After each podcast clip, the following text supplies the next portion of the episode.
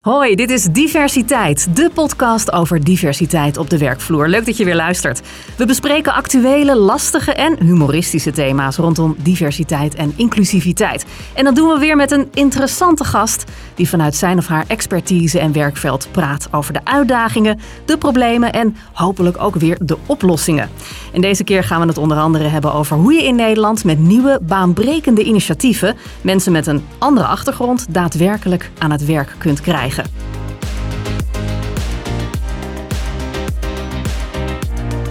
Mijn naam is Hannelore Zwitserloot en naast mij zit Okko Leiding, manager director van Harvey Nash Nederland. Hallo weer Okko. Hi. En Renzo Deurlo natuurlijk, oprichter van Green Fox Social Return. En uh, beide heren praten weer vanuit hun eigen bedrijf en hun eigen ervaringen mee. Welkom, ook Renzo weer. Dankjewel. En deze keer is onze gast Jos Verhoeven. Hij is oprichter en directeur van The Start Foundation, die zich inzet voor een maatschappij waarin iedereen werkt en die voor iedereen werkt. Door mensen die langs de kant staan nieuwe perspectieven te bieden. Jos, welkom uh, bij Diversiteit. Ja, dankjewel. Allereerst, Renzo, jij kent Jos persoonlijk hè? en jij zei Ja. hij moet in deze podcast. Waarom? Ja, ik zou bekennen, ik ben een, ik ben een Jos-fan. en eh, ik ken eh, eh, Jos wat langer. ehm, en Jos heeft denk ik een van de leukste banen in Nederland. Jos mag kijken welke initiatieven er kansrijk zijn om inclusiviteit en diversiteit te bevorderen. En dat is on-Nederlands. Gewoon op een, een prachtige erfenis bijna zitten van het oude start-uitzendbureau. Maar misschien moet je het zelf even vertellen, Jos. Wat is precies jouw baan? en ik solliciteer hier nog niet bij. Vragen mijn kinderen ook altijd. Wat doe je nou precies? Maar nee, nou ja, Start Foundations, zoals net al eh, in de introductie eh, vermeld werd. Kijk, wat wij vooral proberen is eh, om het voor elkaar te krijgen dat iedereen in Nederland die dat wil. Eh, gewoon kan werken. Want we weten allemaal hoe belangrijk werk is voor mensen. Werk is veel meer dan alleen maar een inkomen en een dagbesteding. Werk heeft ook alles te maken met eh, gezondheid, met eh, dat je je niet eenzaam voelt, et cetera, et cetera. Dus wij gunnen dat iedereen. Wij komen voor, zoals net al keurig gemeld werd, uit het oude start-uitzendbureau. Nou, het oude start-uitzendbureau, ik zeg altijd, we hebben daar eigenlijk het materiële en immateriële erfgoed van. En dat betekent simpelweg dat dat was ooit een, ook een soort van experiment om mensen aan werk te krijgen die minder makkelijk aan werk kwamen. En eh, nou ja, dat is een beetje een uit de hand gelopen hobby geworden van mensen, want dat was op enig moment volgens mij 2,5 miljard gulden omzet per jaar. Nou, dat kon allemaal niet meer, dus het is allemaal omgezet en uiteindelijk is dat bedrijf verkocht. En wij waren als stichting daar de aandeelhouder van en hebben dat toen getransformeerd in wat we dan noemen Start Foundation. Dus we doen eigenlijk nog steeds hetzelfde, alleen niet meer door mensen zelf te bemiddelen en te begeleiden, maar door initiatieven mogelijk te maken, bedrijven mogelijk te maken, zoals dat eh, van Renzo onder andere uit het verleden, om eh, mensen te helpen. En dan, ja, klopt wat Renzo zegt, dan heb je de leukste baan van de wereld, want je komt met de meest maffe mensen in aanraking en de meest bedankt. mooie initiatieven. en eh, ja, dat is, dat is gewoon een feestje, elke dag weer opnieuw. En ehm, nou, dat is eh, prachtig weer. Wat is nou heel concreet het doel van de Start Foundation? Nou, het doel van een Foundation is dus, zoals ik juist al zei, dat eigenlijk zou je het kunnen opsplitsen in, in, in twee dingetjes. Eén, één is, hoe kunnen we nou die barrières die er liggen op de arbeidsmarkt voor mensen om daar actief te zijn, hoe kunnen we die wegnemen? Nou, daar wil ik straks nog wel iets meer over vertellen. Eh, en het tweede is, ehm, ja, er is gewoon niet er is gewoon geen plek voor iedereen op de normale arbeidsmarkt. En dus moeten we alternatieven bedenken om die mensen toch eh, een plek te kunnen geven. En dat proberen we dan eh, te organiseren en te realiseren. Maar kun je daar een voorbeeld van geven? Van echt zo'n initiatief waarvan je denkt, hier staan we voor. En niet weer ik. Mag wel ook. Nee, nou ja, eh, als, je- als, je, graag. het, als je het hebt over de barrières. eh, we, we zijn de laatste paar jaar vrij bekend geraakt in Nederland vanwege open hiring. Hè. Open hiring is een, een nou ja, zeer radicale manier om een eind te maken aan alle vooroordelen en bias die mensen hebben. Eh, door gewoon te zeggen, ja, ik eh, hang op de voordeur eh, van mijn bedrijf de vacature en ik zeg dat je dit en dit voor moet kunnen. En dan mogen mensen zelf bepalen of ze denken dat ze het kunnen, ja of nee. Zich inschrijven op basis van inschrijfvolgorde kunnen mensen aan de slag. En dan na een weekje of zo wordt er eens gevraagd, wie ben jij nou eigenlijk? En eh, wat wil je eigenlijk in het leven? Nou, dat is natuurlijk een hele radicale manier. We hebben dat eh, gekopieerd uit Amerika. We kwamen daar Grayston tegen, de Grayston Bakery. En uh, na een intensief traject waarin we samen verkend hebben, ja, zou dat nou haalbaar zijn in Nederland? Want we hebben natuurlijk heel vaak te horen gekregen, dat lukt je nooit in Nederland. Nou, inmiddels, Dan wordt het juist leuk. Nou, ja, hoe, Toch? Hoe, meer, uh, hoe meer tegengas, hoe leuker. Maar in ieder geval op dit moment zitten we zo met zo'n 100 bedrijven, denk ik, in Nederland. Uh, waaronder ook een paar interessante namen. Uh, en we lanceren in april een, uh, een online platform zelfs daarvoor. Om te ja, dat heb je ook echt in samenwerking gedaan met het ministerie. Uh, dat laatste, uh, nou ja, met het ministerie hebben we eigenlijk uh, met name het afgelopen jaar samengewerkt. Omdat we dat, zij hebben die actie opgestart, hè, dichterbij dan je denkt. En zij dachten dat open hiring daar wel een goede rol in zou kunnen spelen. Dus toen hebben we daarin samen, samengewerkt. En laten we niet vergeten, open hiring is ons eerste initiatief wat ooit in een regeerakkoord verschenen is. Wil ik niet onvermeld laten, ze doen er verder niet zo heel veel mee. Nou, maar dat geeft, wel aan dat, dat, dat initiatieven slagkracht hebben wat dit betreft? Uh, ja, wat dit betreft ja. uh, moet ik zeggen, ja, nee, zeker, zeker. En, uh, en, en ze hebben het dus ook omarmd in die actie. En ze hebben het UWV zeg maar de opdracht gegeven om daar actief mee aan de slag te gaan. Dus daar zijn we zeker, zeker trots op, ja. En, maar dit is dus een voorbeeld. En wat zijn daar de effecten van, heel concreet?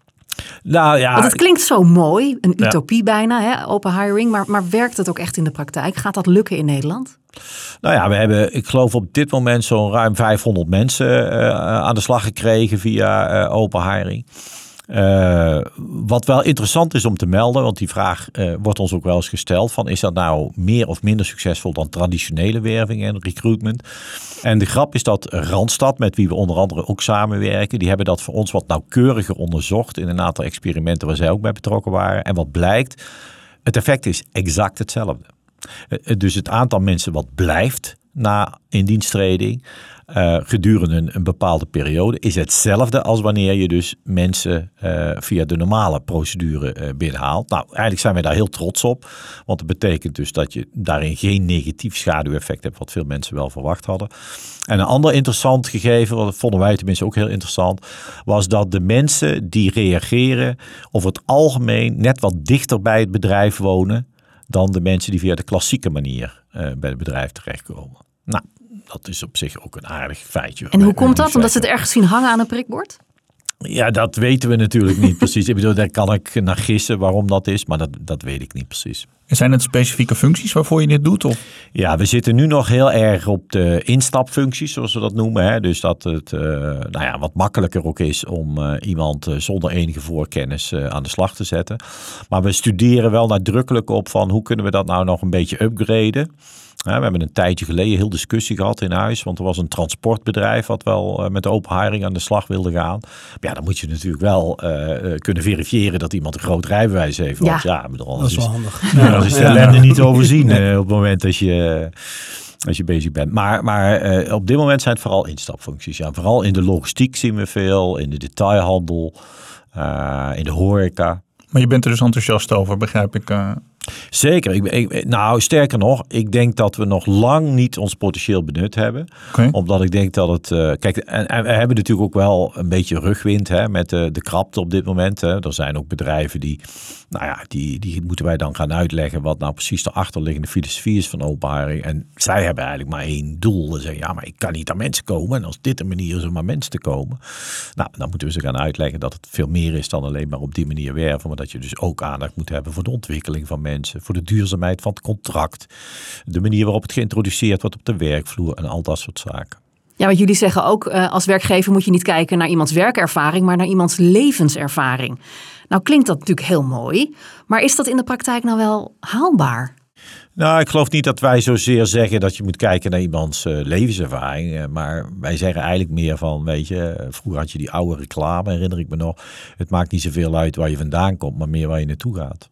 En, ja. en, en, en, dat is eigenlijk, denk ik, wat, wat het belangrijkste is daarin. Dat, kijk, mensen hier bij Open Hiring is heel simpel. Hè? Niemand, je hoeft niet te reageren. Je kunt gewoon eh, negeren op het moment dat je zo'n advertentie tegenkomt op Facebook of bij het bushokje of in het buurtcentrum. Maar als jij besluit om daarop te reageren. ik heb ook wel eens aan iemand gevraagd, hè, die, eh, die aan, uh, via open hiring aan het werk kwam. zei ik van, waarom heb je nou gereageerd? Zei hij, ja, ik was het eigenlijk ook helemaal niet van plan. Want ik had 250 sollicitatiebrieven geschreven. En na de 250ste afwijzing was ik er eigenlijk wel klaar mee. Maar toen zag de buurvrouw die advertentie op haar en die zei: Ja, maar dan kan je misschien dat toch proberen. Ik bedoel, je hoeft niks te schrijven. Het enige wat je moet doen is je naam opschrijven op dat lijstje. En eh, toen zei hij ja, en toen dacht ik, ja, weet je, nou oké, daar, kan- ja, daar loop ik eigenlijk ook verder geen enkel risico. En ik bedoel, als ik niet gebeld word, dan heb ik niet eens de teleurstelling dat ik niet gebeld word. Maar hij werd wel gebeld, daar was heel blij mee. Dus, nou. Mooi. Bizar, hè? Ja, En so- ja, sorry dat ik je onderbreek. ja ik, ik verbaas me inderdaad. In Nederland heb je natuurlijk sollicitatieplicht. En, en eh, als je dan ziet dat het één keer per week is. Het houdt in dat als je een jaar niet hebt gewerkt, heb je 50 keer nee gehoord. Ja, dan is open haar natuurlijk dé manier alleen al voor het zelfvertrouwen. Om een keer gewoon weer te starten en een keer ja te horen. Gewoon. Nou, daar wilde ik net een vraag over stellen. Me- Merk je dat het een andere doelgroep is? Merk je dat het vooral mensen zijn die al wat langer aan de kant staan die via deze weg? Of merk je ook mensen die dit, nou als het een, een, een traditionele sollicitatieprocedure was geweest, waren ze, hadden ze ook gereageerd? Ja, dat is een goede vraag. Nee, wa- wat wij merken is dat ehm, op dit moment zijn het met name twee eh, te onderscheiden groepen. De eerste groep is de groep die ehm, nou, over het algemeen, hè, eh, laat ik het dan maar zo diplomatiek uitdrukken, iets ouder is. En die ehm, zeg maar heel veel gesolliciteerd, vaak gesolliciteerd hebben. Ja. En, en sterk het idee hebben dat ze vanwege hun leeftijd niet meer aan de bak komen. Oké. Dat is één groep. En de andere groep is de groep mensen die wel werken, maar in eh los-vast contracten en met minder uren dan ze zouden willen werken. Dus dat zijn vooral mensen die op zoek zijn naar meer vastigheid en meer uren. Wat we ook merken, en dat is onder andere waar ik met de overheid eh, nog stevig over in gesprek ben, is ehm, dat er relatief weinig mensen vanuit een uitkering reageren. En dat heeft alles te maken met hun eh, inkomensverliesangst, noem ik dat altijd. Eh, en dat betekent dat mensen bang zijn van ja, maar als ik dat nou ga doen en het bevalt me niet of de werkgever vindt dat ik niet goed genoeg ben en ik sta dan buiten, dan moet ik weer heel dat circus in, die uitkering aanvragen, heb ik weer wachtwe- wachtweken, Eh, ik word weer gescreend, ik heb daar allemaal geen zin in.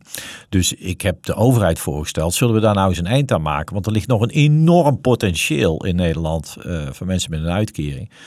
Eh, en dat zouden we heel makkelijk kunnen doen. Want als we nou gewoon simpelweg tegen elkaar zouden zeggen van... oké, als jij voor open hiring aanmeldt... geef dat even door aan ons als uitkeringsinstelling.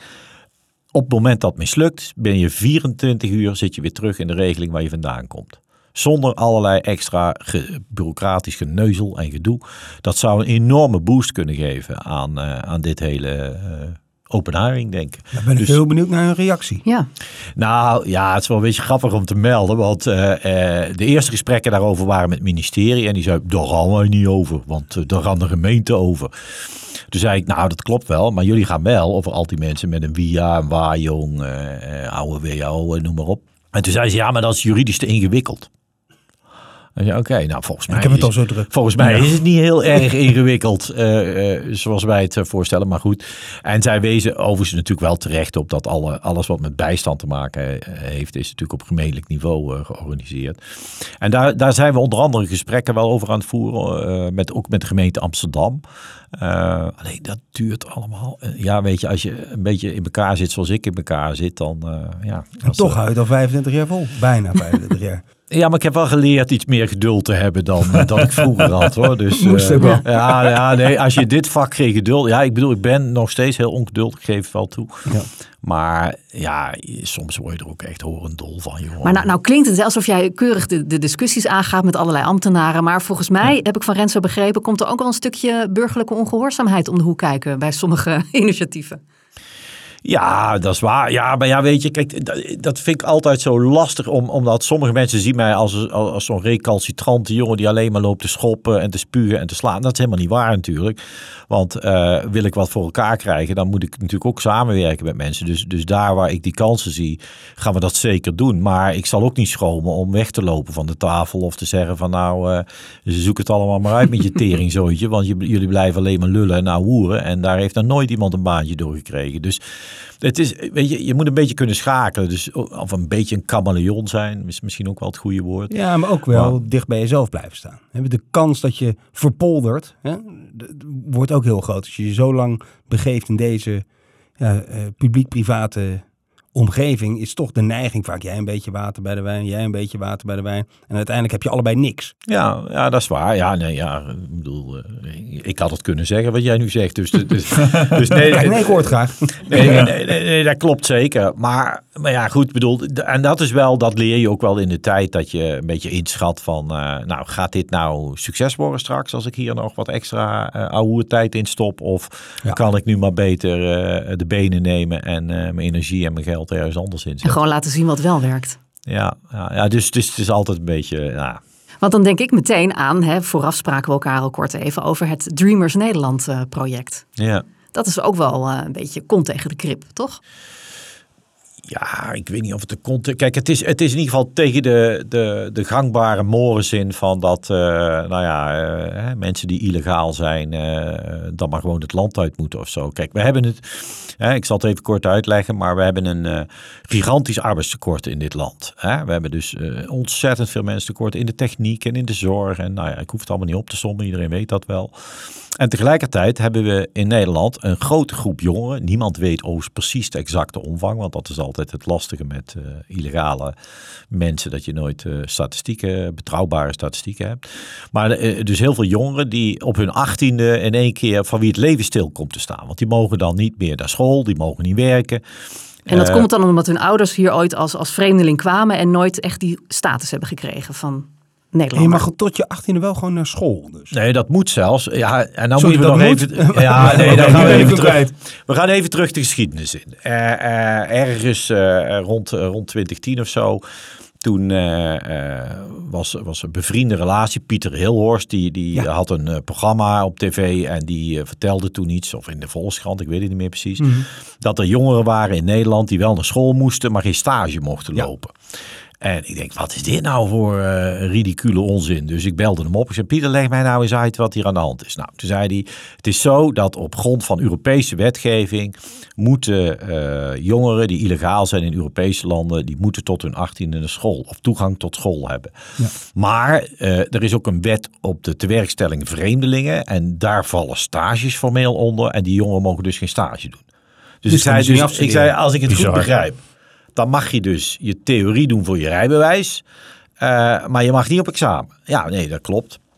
Ja, dat is toch van de zotte. Dus eh, toen gingen we daar eens induiken en toen vertelde er een bevriende jurist die zei, ja, eigenlijk klopt dit ook niet, want er is ook weer Europese wetgeving die zegt dat het, nou, fijn, heel ingewikkeld, maar we verzonnen toen het zogenaamde stoutfonds. We zeiden, nou, Ja. weet je wat we doen? Die jongeren moeten verdikken met stage kunnen lopen, dus we stoppen gewoon geld in een koffertje en als er een werkgever een boete krijgt, die kreeg je dan, hè, 8000 euro de, uit Ja, dat is echt serieus. Ja, dat was een Dat was serieus bedrag. geld. En bij de, bij de tweede was het 16.000 en daarna, naar, weet ik veel, naar 24.000. Dus we zeiden, nou wij gaan die boetes betalen. Want die kan natuurlijk niet. En tegelijkertijd gingen we een rechtszaak starten. Een rechtszaak tegen de staat waarin we zeiden van ja, jullie zijn niet netjes bezig. Nou, dat wonnen we eigenlijk vrij snel. Eh, want eh, ja, dat was inderdaad zo. Het was geen het- uitlokking blijkbaar. eh, dat is ook wel weer mooi. Sorry? Ze hadden natuurlijk ook gewoon kunnen te- tegenvechten en zeggen van jij daagt eigenlijk mensen uit om een boete aan te gaan. Ja, weet je, het was een rare tijd, joh. Ik herinner me nog dat ik werd uitgenodigd door een praatprogramma op tv. Pauw en Witteman, eh, geloof ik, heette dat programma. En dan zou ik met Henk Kamp, die was toen de tijd minister van Sociale Zaken, in discussie gaan. En eh, toen werd ik gebeld. Ik was, bij, ik was maar bij een bos. En toen zei ze, ja Jos, vind je het heel erg om om te draaien? Ik zei, om te draaien? Wat bedoel je? Ja, minister Kamp wil niet met een burger in discussie. Ik what the fuck is dit nou weer? Zeg. Hij wil niet met een burger in discussie. Dus toen, dat was heel grappig. Toen heb ik een paar dingetjes met ze, met ze besproken. Want ik zei, nou ja, en zij, zij zei natuurlijk, ja, we willen in de toekomst ook een minister blijven ontvangen en zo. Dus zou het toch wel fijn vinden als je weg blijft. Ik zei, nou, is goed, maar dan moeten jullie wel dit en dit op de achtergrond projecteren. Hebben ze ook gedaan overigens. Waar Kamp heel boos over was toen. Wat Maar- was dat, jouw foto? En, eh, Nee, nee, dat was zeker niet mijn foto. Nee, nee, nee. Het ging over Stoutfonds. Maar eh, even terug dus naar die Dreamers. Eh, nou, dus dat is tot je achttiende. Ja. Maar goed, dan word je 18 en dan mag je dus niet meer. Want eh, na je achttiende vervallen al je rechten. Nou, en, en wij zeggen, ja, in dat in een tijd waarin wij eh bij wijze van spreken overwegen om Filipijnse verpleegsters te gaan halen, et cetera, et cetera. Nou, dat kan natuurlijk niet. Dus toen hebben we gezegd van, nou, dan gaan wij het lans breken voor die jongeren die dus in Nederland zijn opgegroeid. Hè, want daar hebben we het over. Dus die spreken perfect Nederlands ze waarschijnlijk. spreken perfect Nederlands, hebben, hebben een MAVO-diploma, HAVO-diploma, Atheneum-diploma, maakt allemaal niet uit. En die mogen dus in tegenstelling tot hun vriendjes en vriendinnen, mogen dus verder niet uh, naar school. Uh, en dus ook niet uh, nou ja, hun dromen najagen. Nou, ze hebben gezegd, ja, dat kan natuurlijk niet. Dus, dus dan gaan we daar, en we gaan een aantal van die jeugdigen gaan we sowieso helpen, concreet helpen.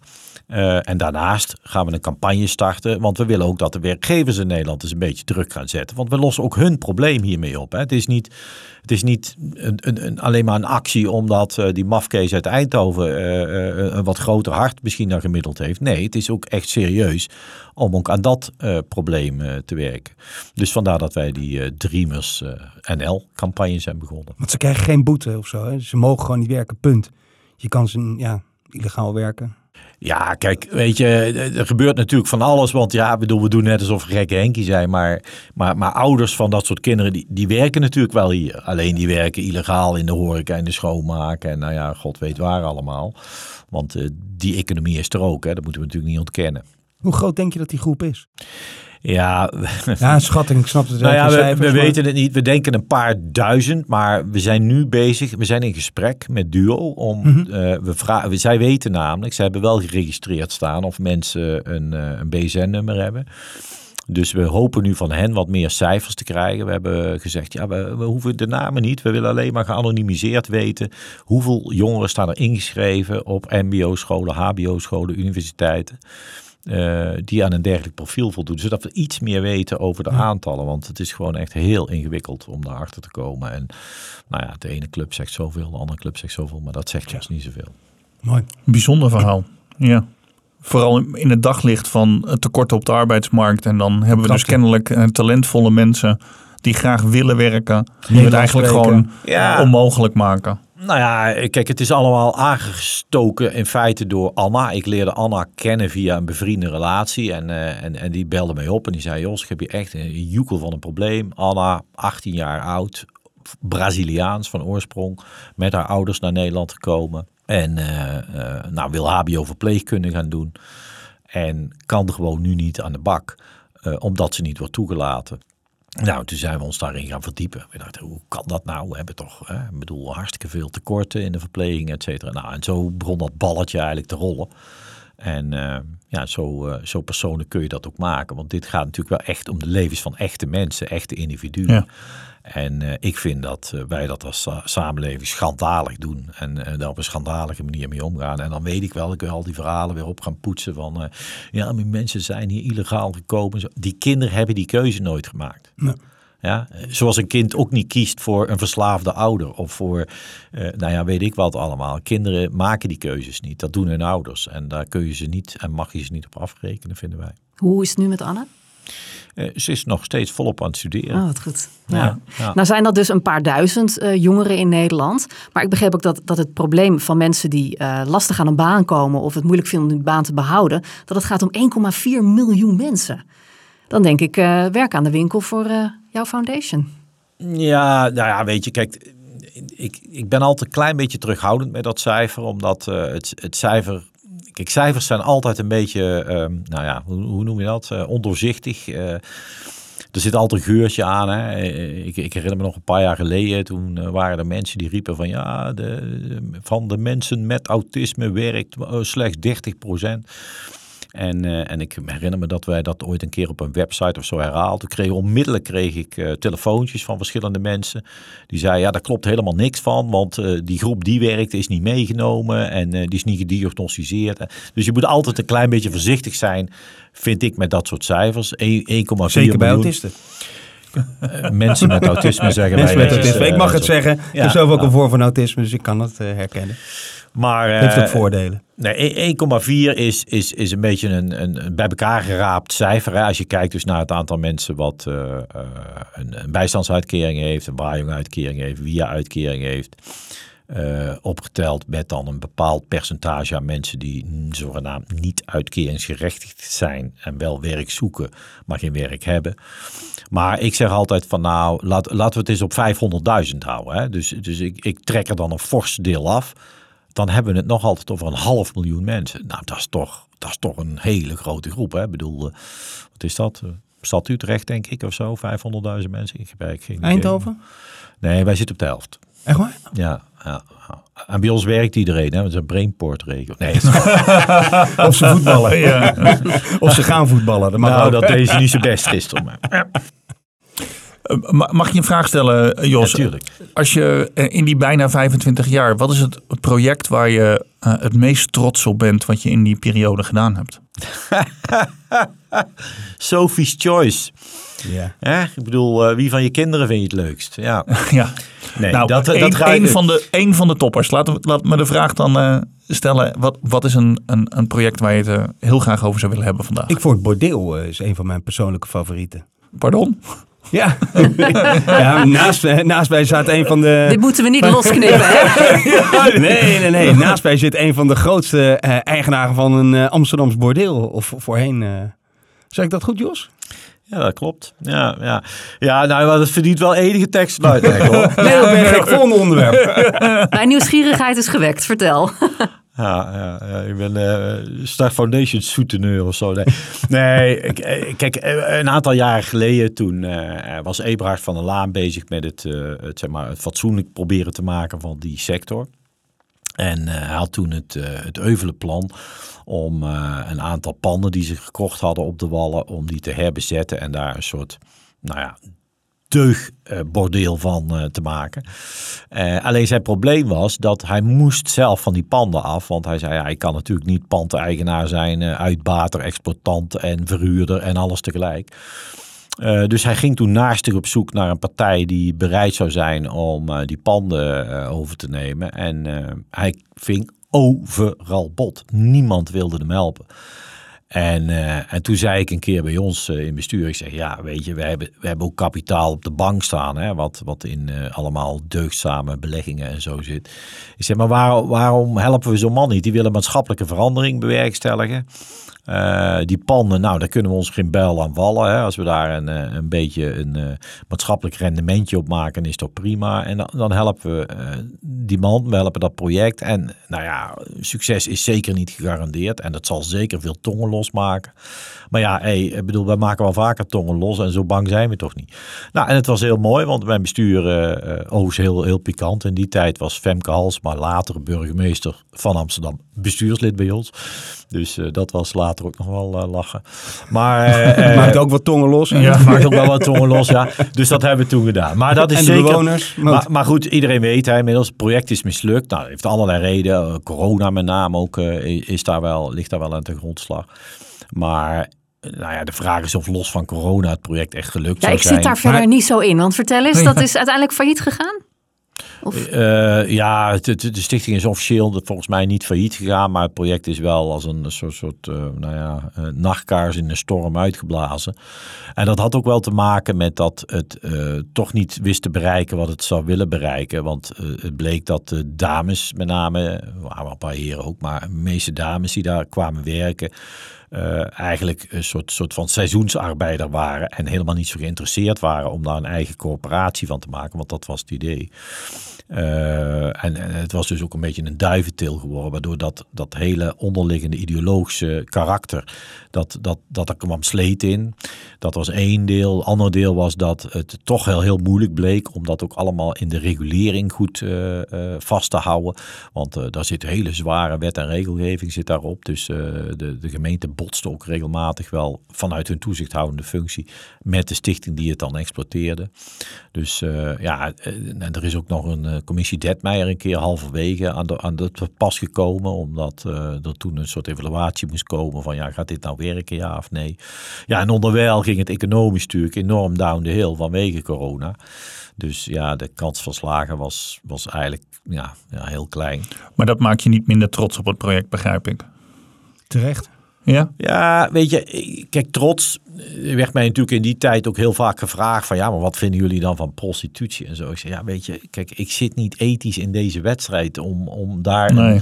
een, eh, kan ik als persoon een mening over hebben, maar daar gaat het mij in eerste instantie niet om. Het gaat er mij om, er is een burgemeester die wil een maatschappelijke misstand aanpakken, heeft daarvoor een zeer controversieel idee, nog nooit toegepast, eh, althans zeker niet in dit land. Eh, ja, dan moet je hem niet alleen laten staan. Want als je dat doet, dan heeft het zeker geen kans van slagen. Nou, dat was eigenlijk onze belangrijkste drijfveer. En, Het is on-Nederlands. Zeg gewoon probeer het maar. Ja. En dan zien we wel of het lukt. Het, is niet, het hoeft niet altijd te slagen. Dat vind ik het mooi. Het is een bijna een ondernemende manier van filantropie. Ja, dat is een hele andere manier om er tegenaan te kijken. Ja. Wat wij natuurlijk in ons dagelijks leven anders doen is... Hè, bottom line moet succes zijn, want anders heb je geen bestaansrecht. Ja. Hè, en ik- Heb je daar een percentage in wat succesvol moet zijn? Ja, ik zeg wel eens eh, intern ook van jongens, er moet minimaal 60% per jaar mislukken. Eh, dat is anders, andersom. want anders nemen Ik zie dat percentage ook zo bij binnenkomst. Helaas jongens, 50% mislukt maar. We moeten nog eventjes te hard aan trekken. Ja, ja, Maar nou ja. waarom is dat? Nou ja, eh, mijn, mijn bijzin dan vervolgens is, eh, anders nemen we te weinig risico. Hè, eh, ehm, er er komen, en zeker in die tijd dat wij nog veel in die nou ja, bedrijven à Renzo investeerden, tegenwoordig doen we dat ietsje minder. Maar toen, toen hadden we wel vaak zoiets van, eh, ja weet je, al- als we dan een bedrijfsplan voor onze neus kregen, wat, wat hartstikke liable en feasible was voor een bank of zo, dan zeiden we, ja wat doe je eigenlijk bij ons? Ja, we vinden het wel leuk als jullie ons dan ja. financieren. En en dat snap ik wel, want kijk, wij zijn natuurlijk niet van die hardliners. dat Als het dan helemaal fout gaat, dat wij dan iemand helemaal uitkleden, weet je niet. En de rest van zijn leven achtervolgen, wat een bank wel doet. Dat doen wij dan niet. Dan zeggen we, nou, die jongen of dat meisje heeft er zo hard aan getrokken, weet je niet. Van die, die kunnen we niet alleen maar nog verder in de shit duwen. Dus die moeten we helpen. Dat dat misschien de reden is, weet Ah, dan onderschat je ook denk een klein beetje je eigen netwerk en expertise. Want de naam Start Foundation heeft voor mij persoonlijk heel veel deuren geopend. Dat je eventjes een middagje met de Alex Mulder mag sparren. Alex Mulder, de oprichter van eh, de welbekende USG. Toch geen onbekende in deze branche. Dat je daar even een middagje mag, van gedachten mag van mag eh, wisselen. Eh Annemarie van Gaal, Femke. Nee, oké. Ik- Kijk, nee, ik onderschat dat niet. Maar ik, ik bedoel alleen maar te zeggen van dat, dat op het moment als dat een risicoloze investering zou zijn. Hè, eh, zoals een bank daar natuurlijk naar kijkt. Ja, eh, dan, Jullie dan, zijn durfkapitalisten. Dan zeg je meer Ja. van ja, weet Ja. je, ga, ga een andere deur eh, kiezen. Want, want wij, wij zijn er juist voor om een beetje tegen de stroom in, tegen de wind in. En, en, en dingen een kans te geven waarvan anderen zeggen. Ja, daar zien wij toch echt geen brood in. Of dat durven we niet te doen. Ja, ik heb dan wel een heel leuk voorbeeld van. Om, te noemen was, was een keer een gozer die kwam bij mij. Ik vind het echt een geweldig verhaal. Maar eh, er kwam een gozer bij ons en die, nee, die kwam ik in de lift tegen. Zo was het ja. Ik kwam in de lift tegen, zat in een rolstoel en we zaten zo een kletspraatje te maken. Ik zei, wat doe jij nou? En zei hij, ja, ik ben een bedrijf aan het opzetten. Ik zei, oh zo, wat ben je aan het doen? Ja, een bedrijf en wij, eh, wij brengen in kaart voor overheden waar de pijnpunten zitten in de infrastructuur buiten voor gehandicapten. Dus eh, de hoge stoepen, dat soort dingen. Ik zei, nou, gaaf man, leuk. En eh, nou, toi toi. En dan kwam ik een paar dagen later weer tegen. Zei hij, ja, maar wat deed jij nou ook weer precies? Dus ik had thuis gezegd, ja, ik heb geld nodig. Ik zeg, nou, dan eh, kom maar eens je bedrijfsplan presenteren bij ons. Dan zullen we eens kijken wat we voor elkaar kunnen doen. En eh, nou, hij kwam het bedrijfsplan presenteren. Vonden wij echt een dijk van een plan. En toen zeiden we, ja, maar het is misschien ook goed voor je om nog eens daar en daar contact mee te zoeken. Dus dat deed hij. En eh, een paar weken later zei een van mijn mensen, die zei van Jos, kun je daar even tijd maken, want hij komt contract ondertekenen. En dan, eh, dan moet jij er even bij zijn, dat is toch leuk? Ik zei, nou, hartstikke leuk. Dus eh, nou, op een gegeven moment komt die gozer bij ons kantoor binnengereden in zijn rolstoel en er lag een bos bloemen op zijn schoot. Ik denk, oeh, dit, hier klopt iets niet.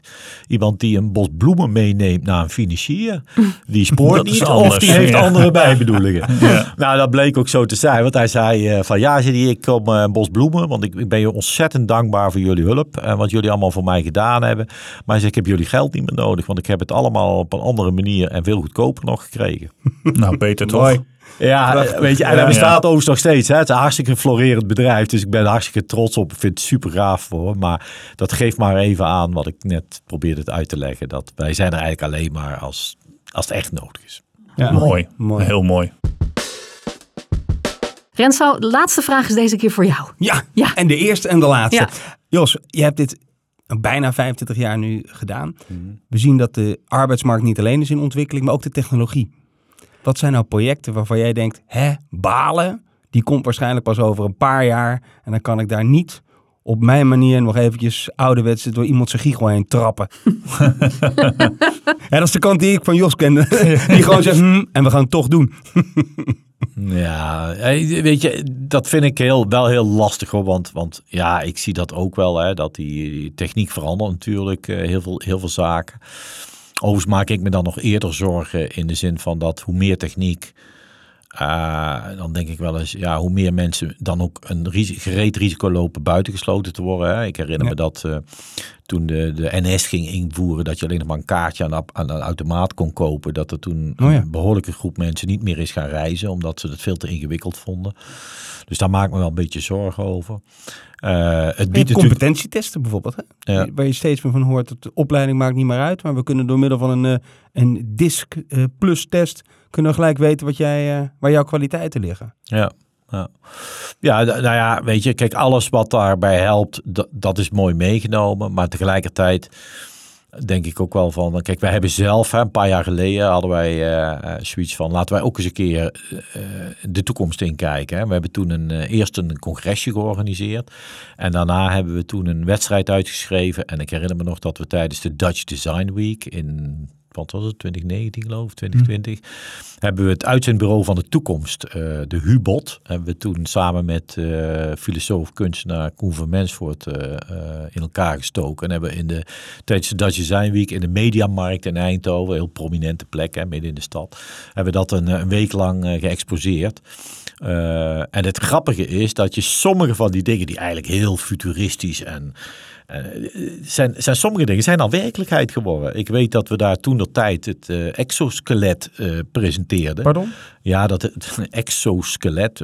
Tegenwoordig schijnen veel mensen te weten wat het Ja, is. dat is van harnas en dan Ja. kan je mee lopen op het moment dat je eh, invalide bent. Ja, of Oh, wauw. Ja, of in een Of zwaarder, zit. zwaarder tillen toch ook? precies, daar ging Ja. het in dit Ja, en geval dat om. ook. Ja, die militairen Ja. gebruiken dat Ja. ook, hè? Ja, In dit geval ging het om, eh, om zwaarder en meer te kunnen tillen. Dus, eh, nou ja, weet je, dus, dus ja, ik denk wel dat. we- Maar, maar als jij mij nu vraagt en wat zijn de ontwikkelingen in de toekomst eh, die jij dan niet meer mee gaat maken of zo, ja, dat weet je, dat, dat ik Nee, wel- die, er niet meer door, die ga je nog wel meemaken, Oh, of- maar die er niet meer doorheen mag trappen. Ja, ja dat, dat, dat vind ik heel lastig. Kijk, weet je, en ik denk ook, daar moeten we ook niet zozeer op focussen. Want ik bedoel, kijk, ik heb nooit in de wedstrijd gezeten om, eh, eh, nou ja, weet ik veel, een, punt te kunnen maken. Of om, wat ik laatst ook schreef, om te provoceren, om te provoceren. Want, Nee. want dat, daar gaat het helemaal niet om. Maar waar het wel om gaat, en dat hoop ik wel dat er meer partijen en meer mensen zijn die eens gewoon inderdaad hardop zeggen wat ze denken en wat ze ergens van vinden. Want waar dit land en ook dus onze sector wel heel veel last van heeft, vind ik, is van eh,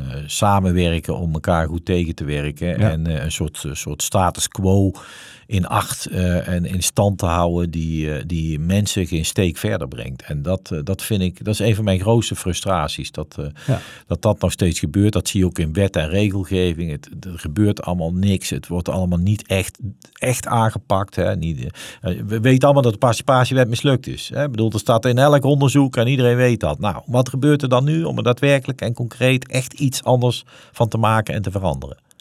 Geen ene moer. Ik hoop dat jij nog heel lang op jouw plek blijft. Ik ook. Ja, Zodat je iedereen een beetje wakker kan schudden. heel goed. Jos Verhoeven, bedankt voor dit gesprek. En ook al. Renzo natuurlijk ook weer bedankt. En jij bedankt voor het luisteren en graag tot de volgende aflevering van Diversiteit. En dan hebben we als gast lector betekenis-economie Kees Klomp. Volg Harvey Nash en Green Fox via de socials en volg onze podcast Diversiteit via de website diversiteit.com, zodat je niks hoeft te missen.